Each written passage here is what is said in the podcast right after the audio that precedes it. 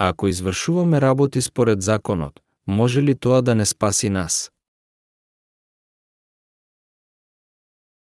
Лука 10, 25, 30 и ете. Стана еден законик и, искушувајки го, рече, Учителе, што да направам за да добием живот вечен? А он му рече, што е напишано во законот? Како читаш? Тој одговори и рече, возлюби го Господа, твојот Бог, со сето свое срце, со сета своја душа, со сета своја сила и со сите своји помисли, и својот ближен како себе си. Му кажа пак, добро одговори, тоа прави го и ќе бидеш жив. Но тој, сакајки да се оправда, му рече на Исуса, а кој е мојот ближен? Исус му одговори и рече, еден човек слегуваше од Ерусалим во Ерихон и сретна разбойници, кои го соблекоа и му направија рани, и си отидоа, оставајки го полумртов. МГ Библија 1990 год. Кој е најголемиот проблем на луѓето? Тие живеат со многу погрешни илузии. Во Лука 10, 28, тоа прави го и ќе бидеш жив. МГ Библија 1990 год. Луѓето живеат со многу погрешни илузии. Изгледа дека тие се особено ранливи на овој аспект. Тие изгледаат да се интелигентни, но лесно се измамени и остануваат во незнаење за нивната злобна страна. Ние сме родени без да се познаваме себе си, но сепак ние живееме како да се знаеме себе си. Откако луѓето не се познаваат себе си, Библијата често ни кажува дека ние сме грешници луѓето зборуваат за искуството од нивните гревови. Изгледа како да луѓето не се способни да прават добро, меѓутоа, тие се наклонети да се карактеризираат себе си како добри. Тие се фалат со нивните добри дела и се гордеат, мислејки дека тие со нивните усни кажуваат да се грешници.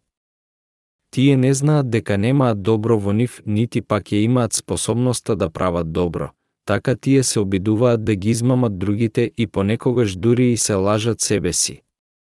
Ајде, де ние не можеме да бидеме целосно злобни. Мора да има нешто добро во нас. Соодветно на ова, тие погледнуваат на други и си велат себе си, би сакал да не го направеше тој тоа. Подобро ќе поминеше ако не го направеше тоа. Подобро ќе беше ако тој вака и вака говореше. Јас мислам дека подобро е за него да на ваков и ваков начин да го проповеда Евангелието. Тој беше искупен пред мене, така да јас мислам дека тој треба да се однесува како еден кој е искупен. Нема долго време откако јас бев искупен, но ако јас учам добро, јас би го правел тоа многу подобро од него. Тие ги острат ножевите во нивните срца секогаш кога се ранети. Ти само чекај, ќе видиш дека јас не сум како тебе. Ти можеш да мислиш дека си пред мене, но ти само чекај. Напишано е во Библијата дека оние кои дојдоа последни, први ќе бидат. Јас знам дека тоа се однесува на мене. Чекај и јас ќе ти покажам. Луѓето се лажат себе си. Дури и ако овој човек беше на друго место, тој би реагирал на истиот начин и би судал. Кога тој ќе се најде на говорница, тој почнува да пелтечи и е безпомошен затоа што тој е пресвесен за неговото облекло. Кога ќе ги прашаме луѓето дали тие имаат способност да вршат добрина, тие велат со нивните усни да немаат. Но во нивните срца, тие се во илузија дека тие имаат таа способност така тие се обидуваат напорно да бидат добродетелни се додека умрат. Тие мислат дека тие имаат добрина во нивните срца и дека тие имаат способноста да вршат добрини. Тие исто така мислат дека тие се доволно добри. Без разлика колку долго тие се верници, особено меѓу оние кои постигнале поголем напредок во службата на Бога, тие мислат, јас можам ова и ова да го извршам за Бога но ако го извадиме Господа од нашиот живот, можеме ли ние на вистина да вршиме добрини? Постои ли некакво добро во човештвото? Дали на вистина ние можеме да живееме правејки добрини? Човечките суштества не ја имаат способноста да прават добрини. Кога и да се обидат самите од себе да направат добрина, тие извршуваат грев. Некои откако ќе поверуваат го туркаат Исус на страна и се обидуваат да бидат самите од себе добри. Нема ништо друго освен зло во сите нас, така да ние можеме да само извршуваме злосторство. Самите од себе, дури и оние кои се спасени, ние можеме само да грешиме. Тоа е реалноста на нашето месо тело. Што правиме ние секогаш, добро или зло? Зло. Во нашата пофалби книга, Славете го името на Исус, има една песна која оди вака, без Исус ние само паѓаме. Ние сме безвредни како брод кој плови по морето без едро. Без Исус ние можеме само да погрешуваме, затоа што ние сме грешни суштества. Ние имаме способност да извршуваме праведни дела после, откако ќе сме спасени. Апостолот Павле рече, отине доброто, кое го сакам, го правам, туку злото, што не го сакам, го вршам Римјаните 7, 19, Библија 1990 год. Ако една особа е со Исус не е важно, но кога особата е без него, тој таа се обидува да прави добро пред Бога. Меѓутоа, колку напорно се труди добро да прави толку повеќе зло извршува. Дури и царот Давид ја имаше истата вродена природа. Кога беше мирно и просперитетно во неговата земја една вечер, тој се искачи на балконот да се разоди малку. Таму, тој види искушувачка слика и падна во сензуално задоволство. Каков беше тој кога тој го заборави Господа? Тој на вистина беше злобен. Тој изврши прелюба со Вирсавија и го уби Ури, нејзиниот сопруг, но тој не можеше да го види злото во себе си. Наспротивно на тоа, тој наоѓаше оправданија за неговите дела.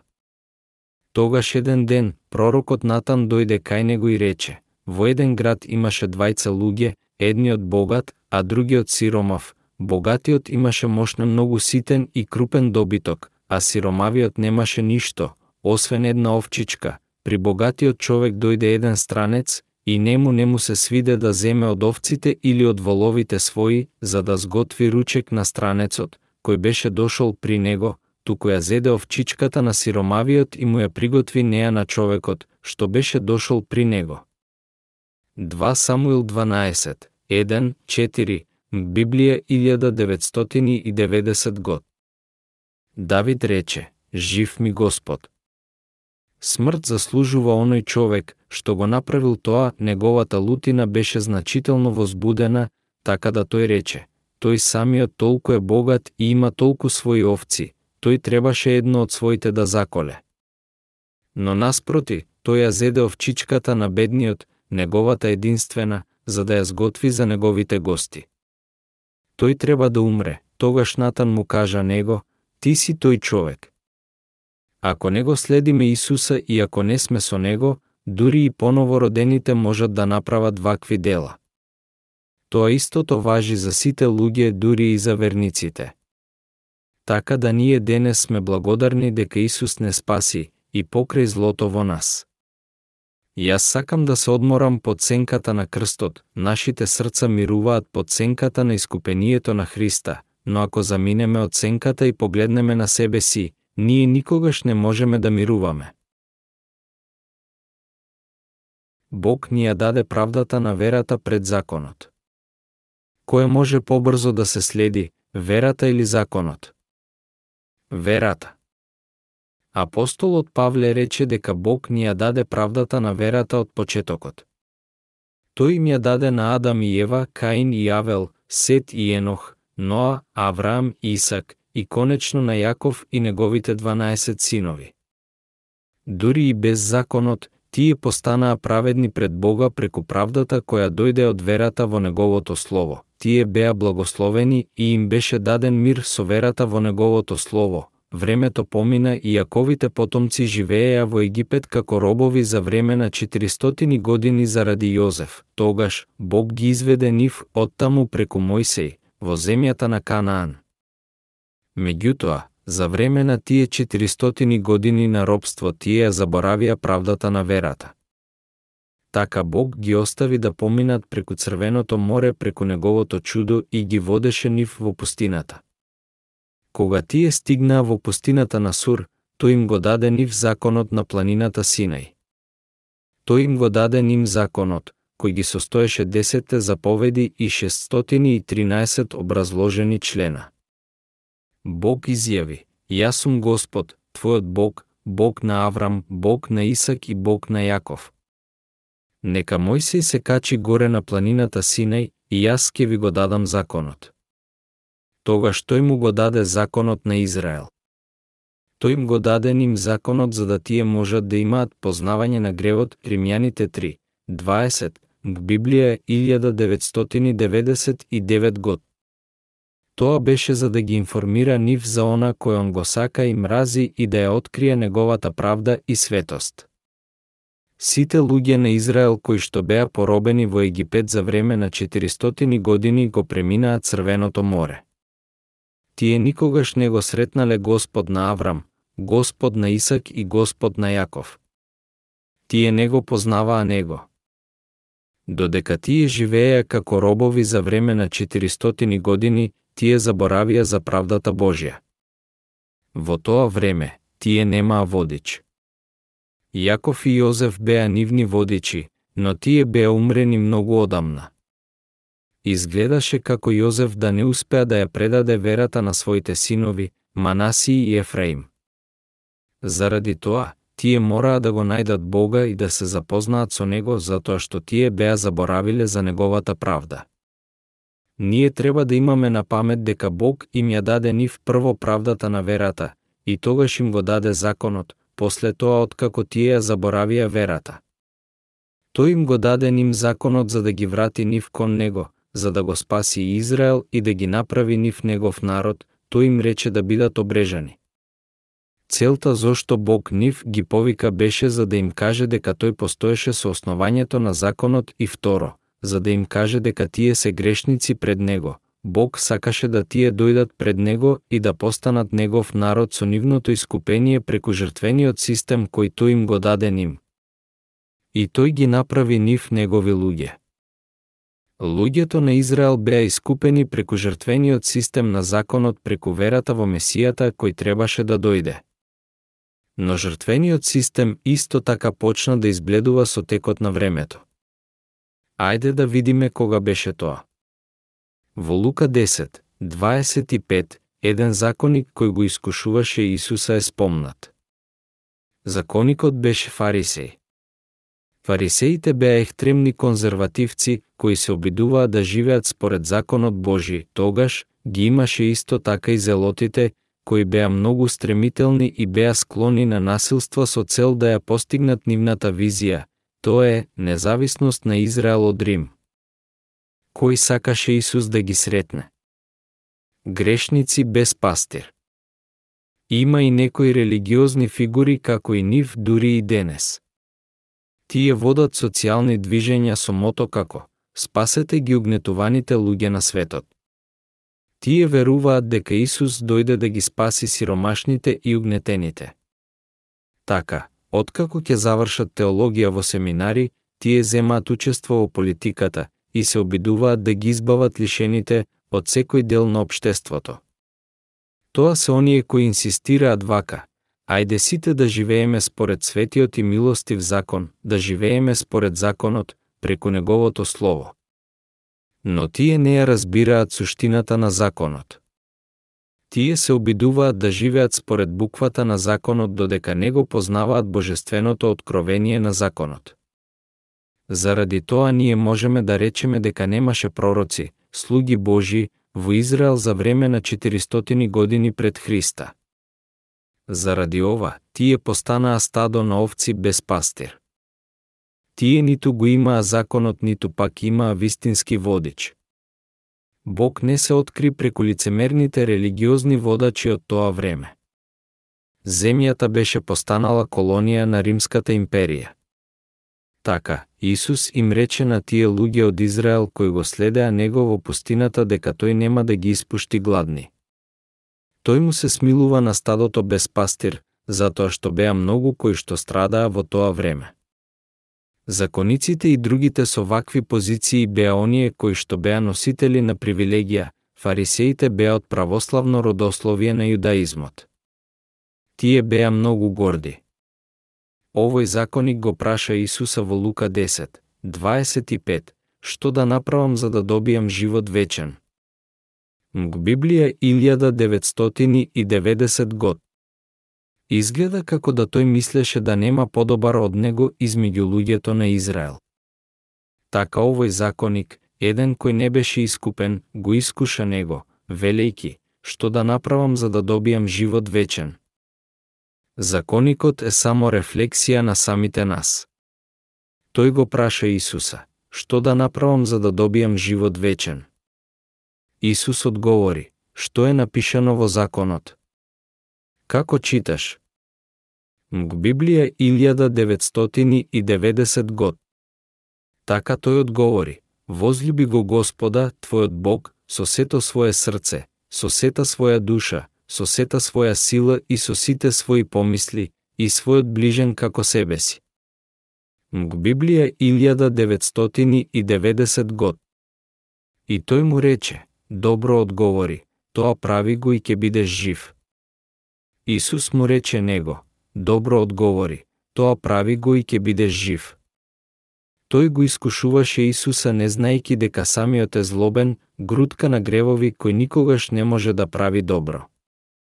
Така Исус го праша, што е напишано во законот. Како читаш? Како го читаш ти законот? Ние сме грешници кои никогаш не можеме да го чуваме законот. Како читаш? Со овој стих Исус прашува како некој, вклучувајќи ме мене и вас, го знае и разбира законот. Како што многу луѓе на денешницава мислат, така и овој законик мислеше дека Бог го даде законот за да се држиме за него.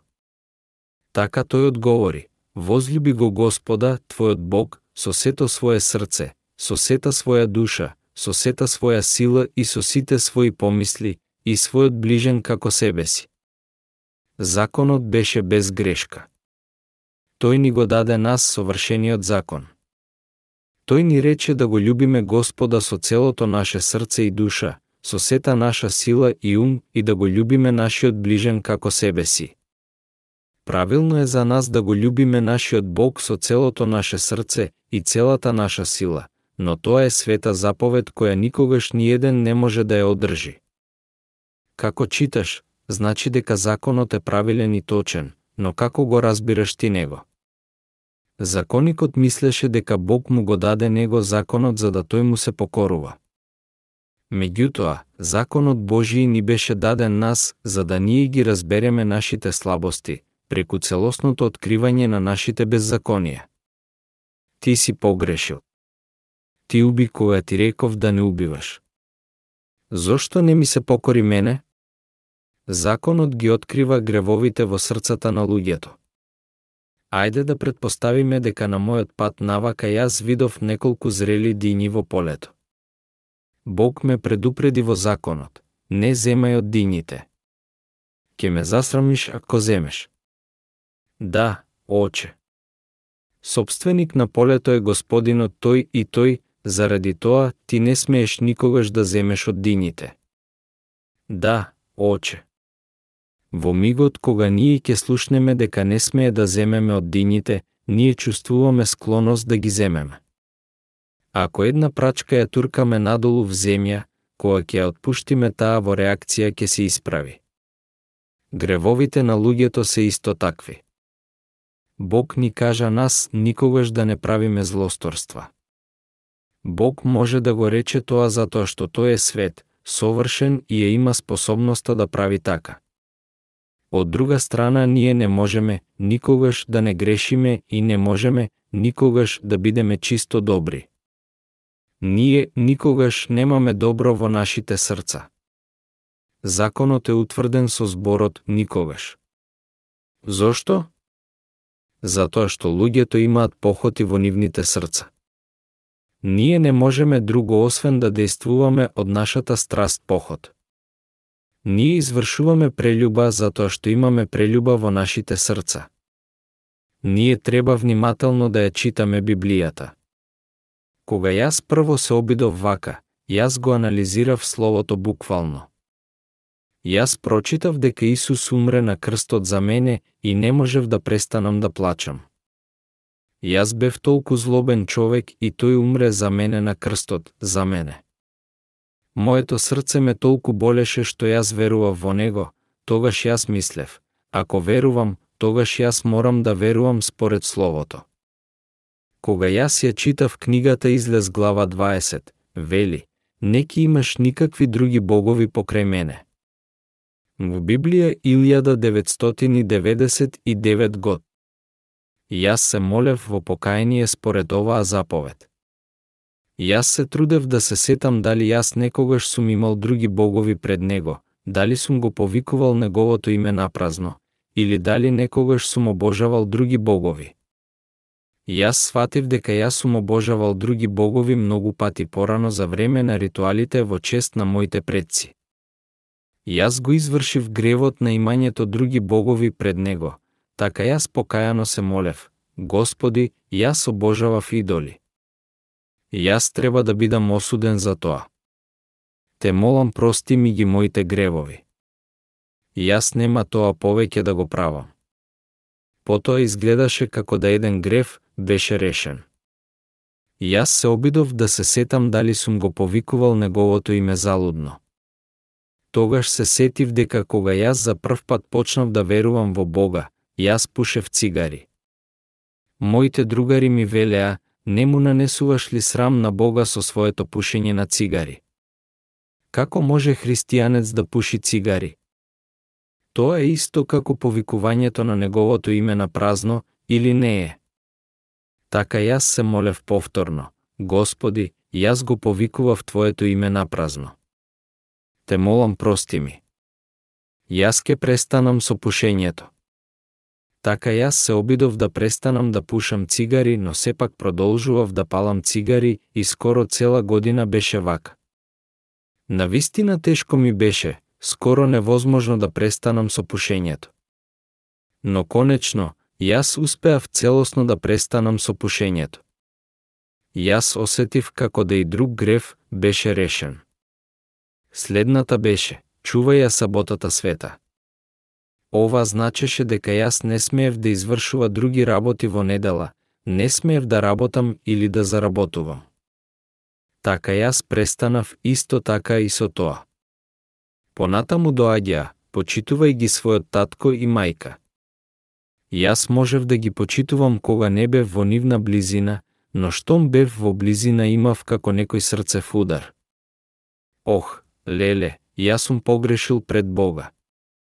Те молам прости ми, Господи. И јас се молев покајано. Но јас не можев повеќе да ги почитувам своите родители затоа што двајцата беа мртви. И сега што можев да правам? Господи, те молам прости му на овој безвреден грешник. Ти умре на крстот за мене. Колку благодарен бев јас за ова. На ваков начин, јас мислев дека можам да ги решам моите гревови еден по еден. Имаше и други закони, како што се не убивај, не извршувај прелюба, не блудствувај се до денот додека сватив дека ниту еден закон не сум држал, јас се молев по цела ноќ, секоја ноќ. Но знаете, покајаното молење не е пријатно. Ајде да зборуваме за тоа. Кога мислев на Исусовото распнување, јас можев да предпоставам колку болно тоа беше. И тој умре за нас, кои што не можевме да живееме според Неговото Слово, Јас плачев цела ноќ, мислејки колку тој ме љубеше и му благодарев, зашто тој ми даде вистинско задоволство. Мојата прва година в црква беше многу лесно, но двете години потоа стануваше се потешко и потешко за мене да плачам од покаяние зашто јас морав напорно да размислувам за да можев да плачам толку често. Кога солзите не доаѓа, јас одев во планините да се молам и постев три дена. Тогаш солзите се враќаа. Јас бев мокар од плачењето, се вратив во заедницата и плачев в црква. Луѓето околу мене велеа, ти стана толку многу посвет со твоите молитви во планините. Јас размислував за злочините кои што ги извршив против моите другари и ближните мои христијани и пак плачев. После четири години на ова, солзите мои пресушеа. Јас имав солзени клетки во моите очи, ама тие повеќе не работеа. После пет години, без разлика што и да правев, јас не можев да плачам. Мојот нос се размрсулуваше, но немав солзи. Уште неколку години вака мене ми се згади од себе си, така Бог ме натера пак да се вратам во Библијата. Законот е за познавање на гревот. Што мораме да сватиме за законот? Не можеме никогаш да го чуваме. Во Римјаните 3, 20, ние читаме, зашто преку законот доаѓа самото познавање на гревот. Во Библија 1999 год. Јас го сметав овој стих како лична порака до апостолот Павле и само се обидував да верувам во зборовите во кои што јас сакав да верувам. Но откако моите солзи се исушија, јас не можев да продолжам со мојот религиозен живот на верата. Така јас постојано погрешував и пронајдов дека јас имам грев во моето срце и дека не е можно да јас живеам по законот. Јас не можев ова да го прифатам, но исто така и не можев да го презирам законот затоа што јас верував дека законот е даден за да бидеме покорни на него. На крајот, јас постанав законик, како оние кои што се спомнати во Словото, стана многу тешко за мене да го продолжам религиозниот живот на вера. Јас имав толку многу гревови така што додека го читав законот, јас почна да сваќам како јас ги престапував сите 10 заповеди во моето срце. Погрешувањето во срцето е исто така извршување на грев, и така јас станав ненамерно верник на законот. Кога го чував законот, јас бев среќен. Но кога не можев да го чувам законот, јас постанував мизерен, лут и тажен. Накрај, Јас почнав да очајувам за сето тоа. Колку лесно ќе ми беше ако од почетокот бев научен за вистинското знаење на законот и тоа вака. Не, не. Законот има друго значење. Законот ти покажува тебе дека си грудка грев, дека ги љубиш парите, го љубиш спротивниот пол и ги љубиш работите кои се убави за поглед. Ти имаш работи кои што ги љубиш повеќе од Бога ти сакаш да ги следиш делата на светот. Законот ти беше тебе даден, не за да го чуваш, туку за да се познаеш себе си како грешник со зло во срцето. Само ако некој ме научеше за вистината, тогаш јас немаше да страдам цели 10 години. Така, јас живеев под законот 10 години пред да го сватам ова. Четвртата заповеде, чувај ја саботата, да ја чуваш света. Тоа значи дека не смееме да работиме во сабота. Нас не учеа дека треба да пешачиме, а не да се возиме или да патуваме на долга дестинација во саботата. Јас мислев дека почесно и подостојно е да пешачам до местото каде што требаше да проповедам. Покрај тоа јас го проповедав законот. Така, јас се чувствував дека јас треба да го извршувам она што го проповедам.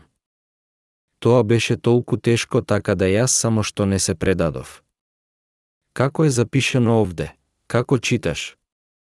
Јас не го сватив прашањето и страдав цели 10 години. Законикот исто така погрешно го свати. Тој мислеше дека ако тој го чуваше законот и живееше предпазливо, тој ќе биде благословен пред Бога. Но Исус му рече него, како читаш? Човекот одговори според неговата легална вера. И после тој му рече на човекот, да, ти право одговори, ти го земаш тоа како што е напишано. Пробај и чувај го. Ке живееш ако го правиш тоа, но ќе умреш ако не го правиш тоа. платата што ја дава гревот е смрт. Ке умреш ако не го чуваш. Спротивното на живот е смрт, така е. Но законикот пак не го свати. Законикот е како секој еден од нас, ти и јас. Јас студирав теологија 10 години. Јас се пробав, се прочитав и се направив. Постење, имав илузии, зборував на звучен јазик, јас ја читав Библијата 10 години и очекував нешто да постигнам. Но духовно, јас се уште бев слепец. Затоа грешникот треба да се сретне со некој кој треба да му ги отвори очите, и тој некој е нашиот Господ Исус Христос, тогаш особата може да свати вака. Аха, тоа е значењето. Ние никогаш не можеме да го чуваме законот. Без разлика колку напорно ние се обидуваме да се придржуваме по законот, ние само очајно ќе умреме обидувајки се. Но Исус дојде да не спаси нас со вода и со дух. Алелуја!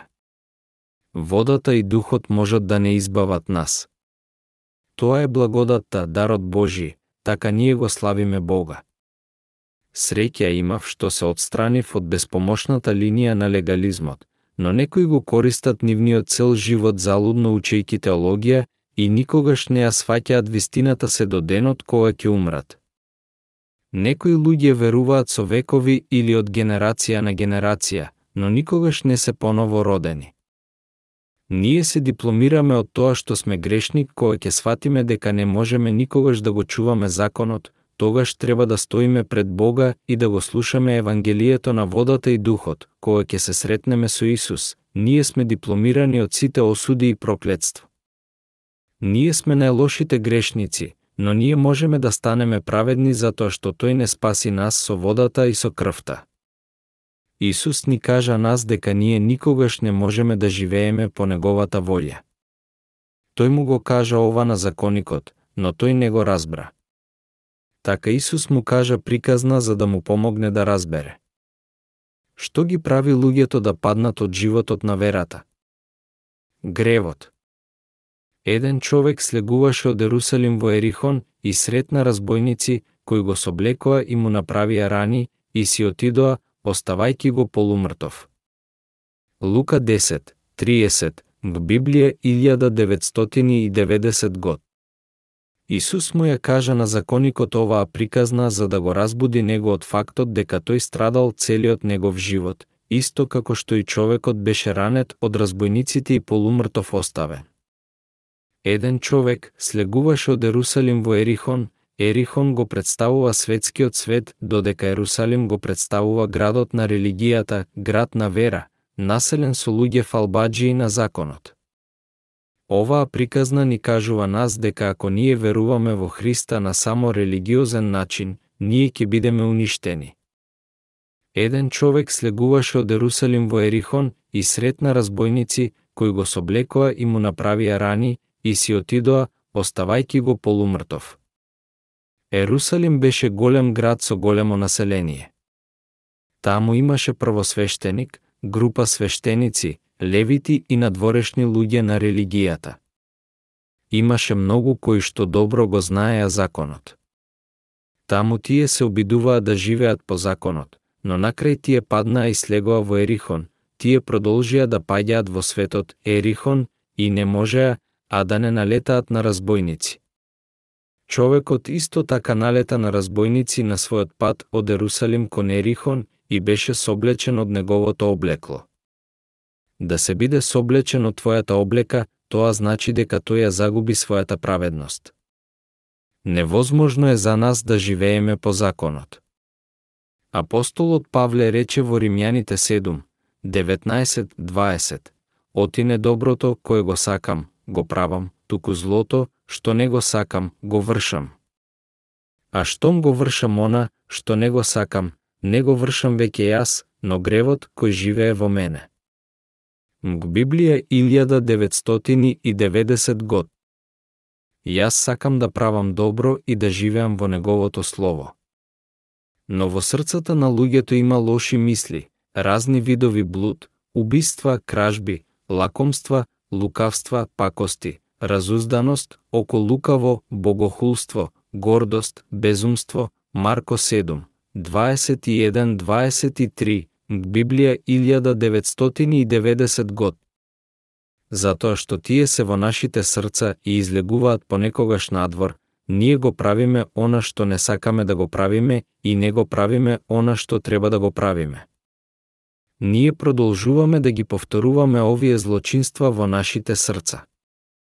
Што ѓаволот може да направи е само да ни даде мала подбуда за тоа. Гревовите во срцата на сите човечки суштества. Можеме да живееме по законот? Не. Речено е во Марко 7, ништо што влегува во човекот од надвор не може да го оскверни, она што излегува од човекот, тоа го осквернува човекот. Мг Библија 1990 год. Исус ни кажува нас дека има лоши мисли, разни видови блуд, убиства, кражби, лакомства, лукавства, пакости, разузданост, око лукаво, богохулство, гордост, безумство во срцето на човекот. Ние сите имаме убиство во нашите срца. Нема ниту еден кој нема убиство. Мајките им викаат на децата, не прави го тоа. Јас ти реков да не го правиш тоа така, проклет да си. Ти кажав сто пати да не го правиш тоа. Ке те убијам ако пак го направиш тоа. Ти реков не прави го тоа. Вие може би ги убивте вашите деца во вашите мисли со несмислените зборови.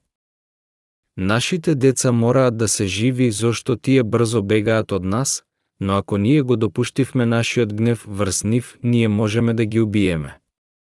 Понекогаш ние се плашиме од себе си. О, Господи, зошто го направив тоа? Ние ги гледаме синилата на нашите деца, откако ќе ги претепаме и мислиме дека сме биле луди штом сме тоа го направиме. Ние не можеме друго освен да действуваме на таков начин, затоа што ние имаме убиство во нашите срца. Така, го вршам она што не го сакам, значи дека правиме зло затоа што сме зли.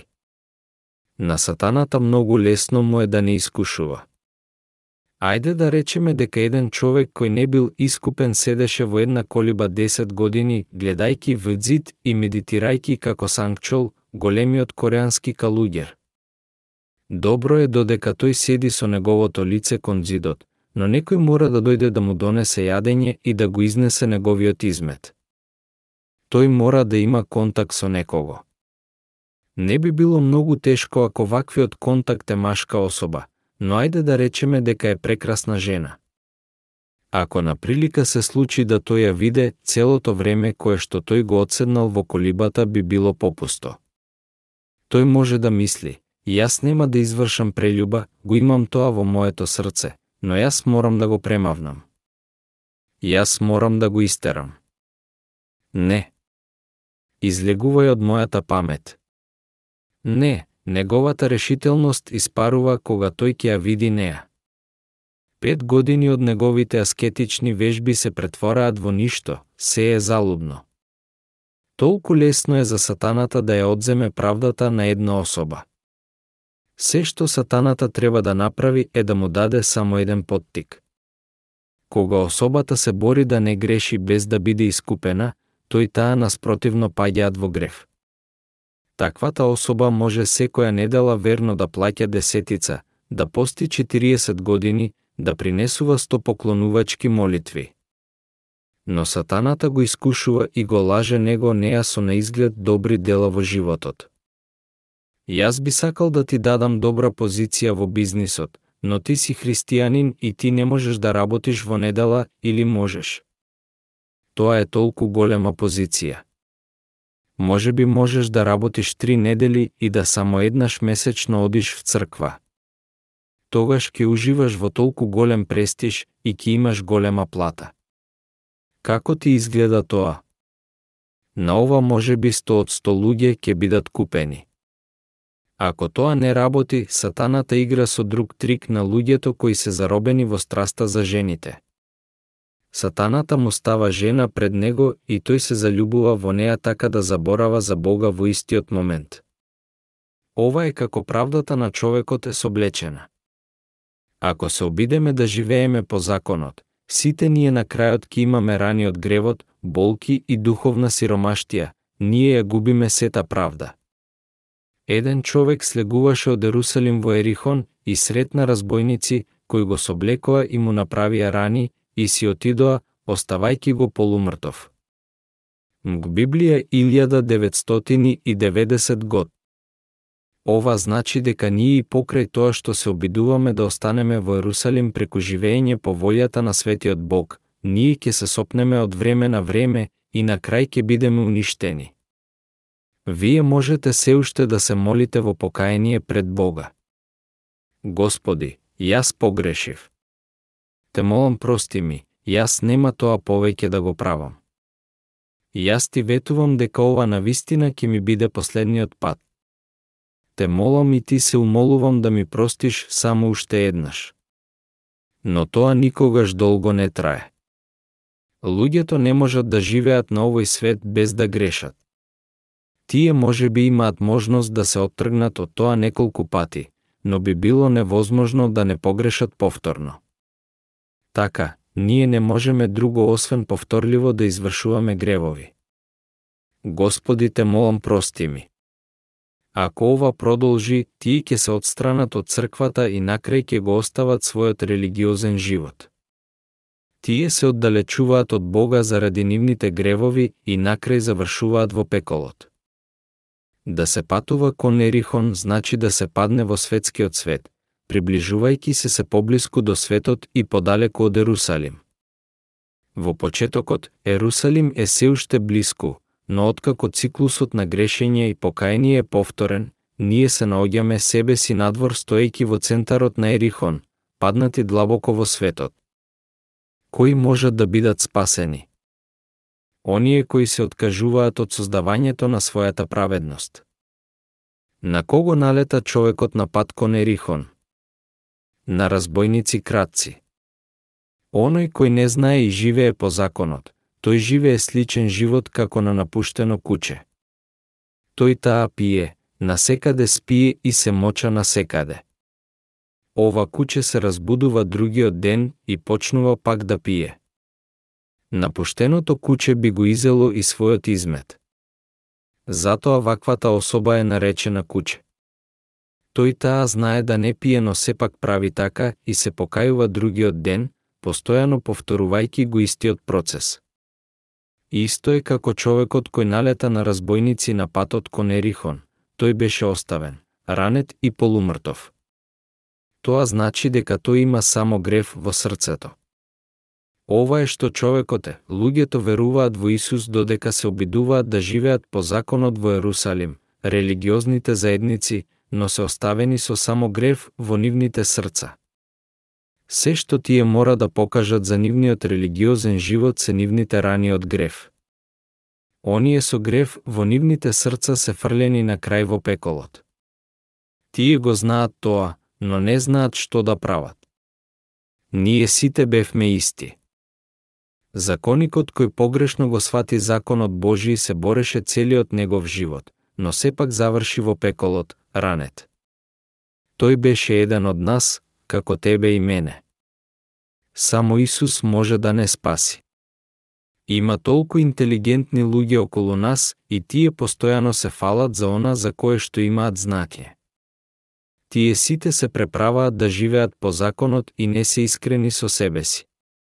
Тие не можат лопатата да ја наречат лопата, но секогаш се фалат со нивниот изглед да изгледаат како верни.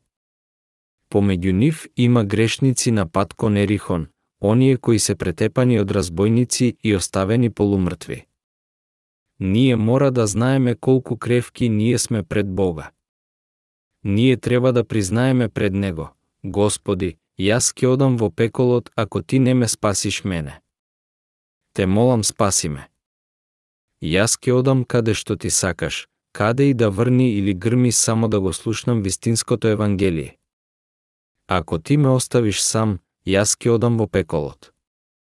Јас те молам да ме спасиш. Оние кои што знаат дека тие се на пат кон пеколот и се предаваат од обидувањата да се здобијат со своја праведност, додека се обесуваат на Господа, се оние кои што можат да бидат спасени. Ние никогаш не можеме да бидеме спасени со нашите дела. Ние мораме да сватиме дека ние сме како човекот кој налета на разбойници.